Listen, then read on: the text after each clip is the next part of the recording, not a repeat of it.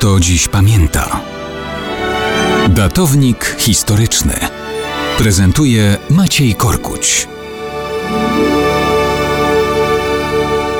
Mało kto dziś pamięta, jaki był rezultat trwającej kilka miesięcy agresji największego państwa świata na małą Finlandię. Oczywiście chodzi o Związek Sowiecki, który zawsze głosił, że Armia Czerwona jest niezwyciężona. No, propaganda propagandą, a fakty faktami. Gdyby Armia Czerwona nie została pobita przez Polaków nad Wisłą i Niemnem, historia naszego regionu, a może nawet całego kontynentu potoczyłaby się zupełnie inaczej.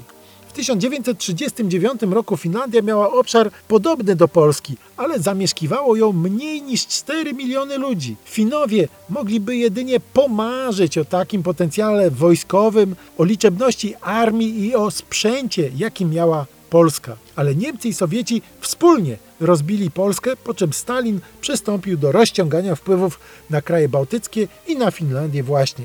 Wszak w pakcie Ribbentrop-Mołotow ona też mu została przydzielona jako sowiecka strefa wpływów. Bałtowie, przerażeni presją żądania Moskwy, przyjęli. Na Litwie, Łotwie i w Estonii pojawiły się sowieckie bazy wojskowe, które po kilku miesiącach stały się przyczółkami dla całkowitego zagarnięcia tych krajów przez ZSRR. Związek Sowiecki to w 1938 roku 170 milionów ludzi, czyli potencjał ludnościowy miał 46 razy większy od Finlandii. Co więcej, było to państwo zmilitaryzowane, które przez całe lata 30.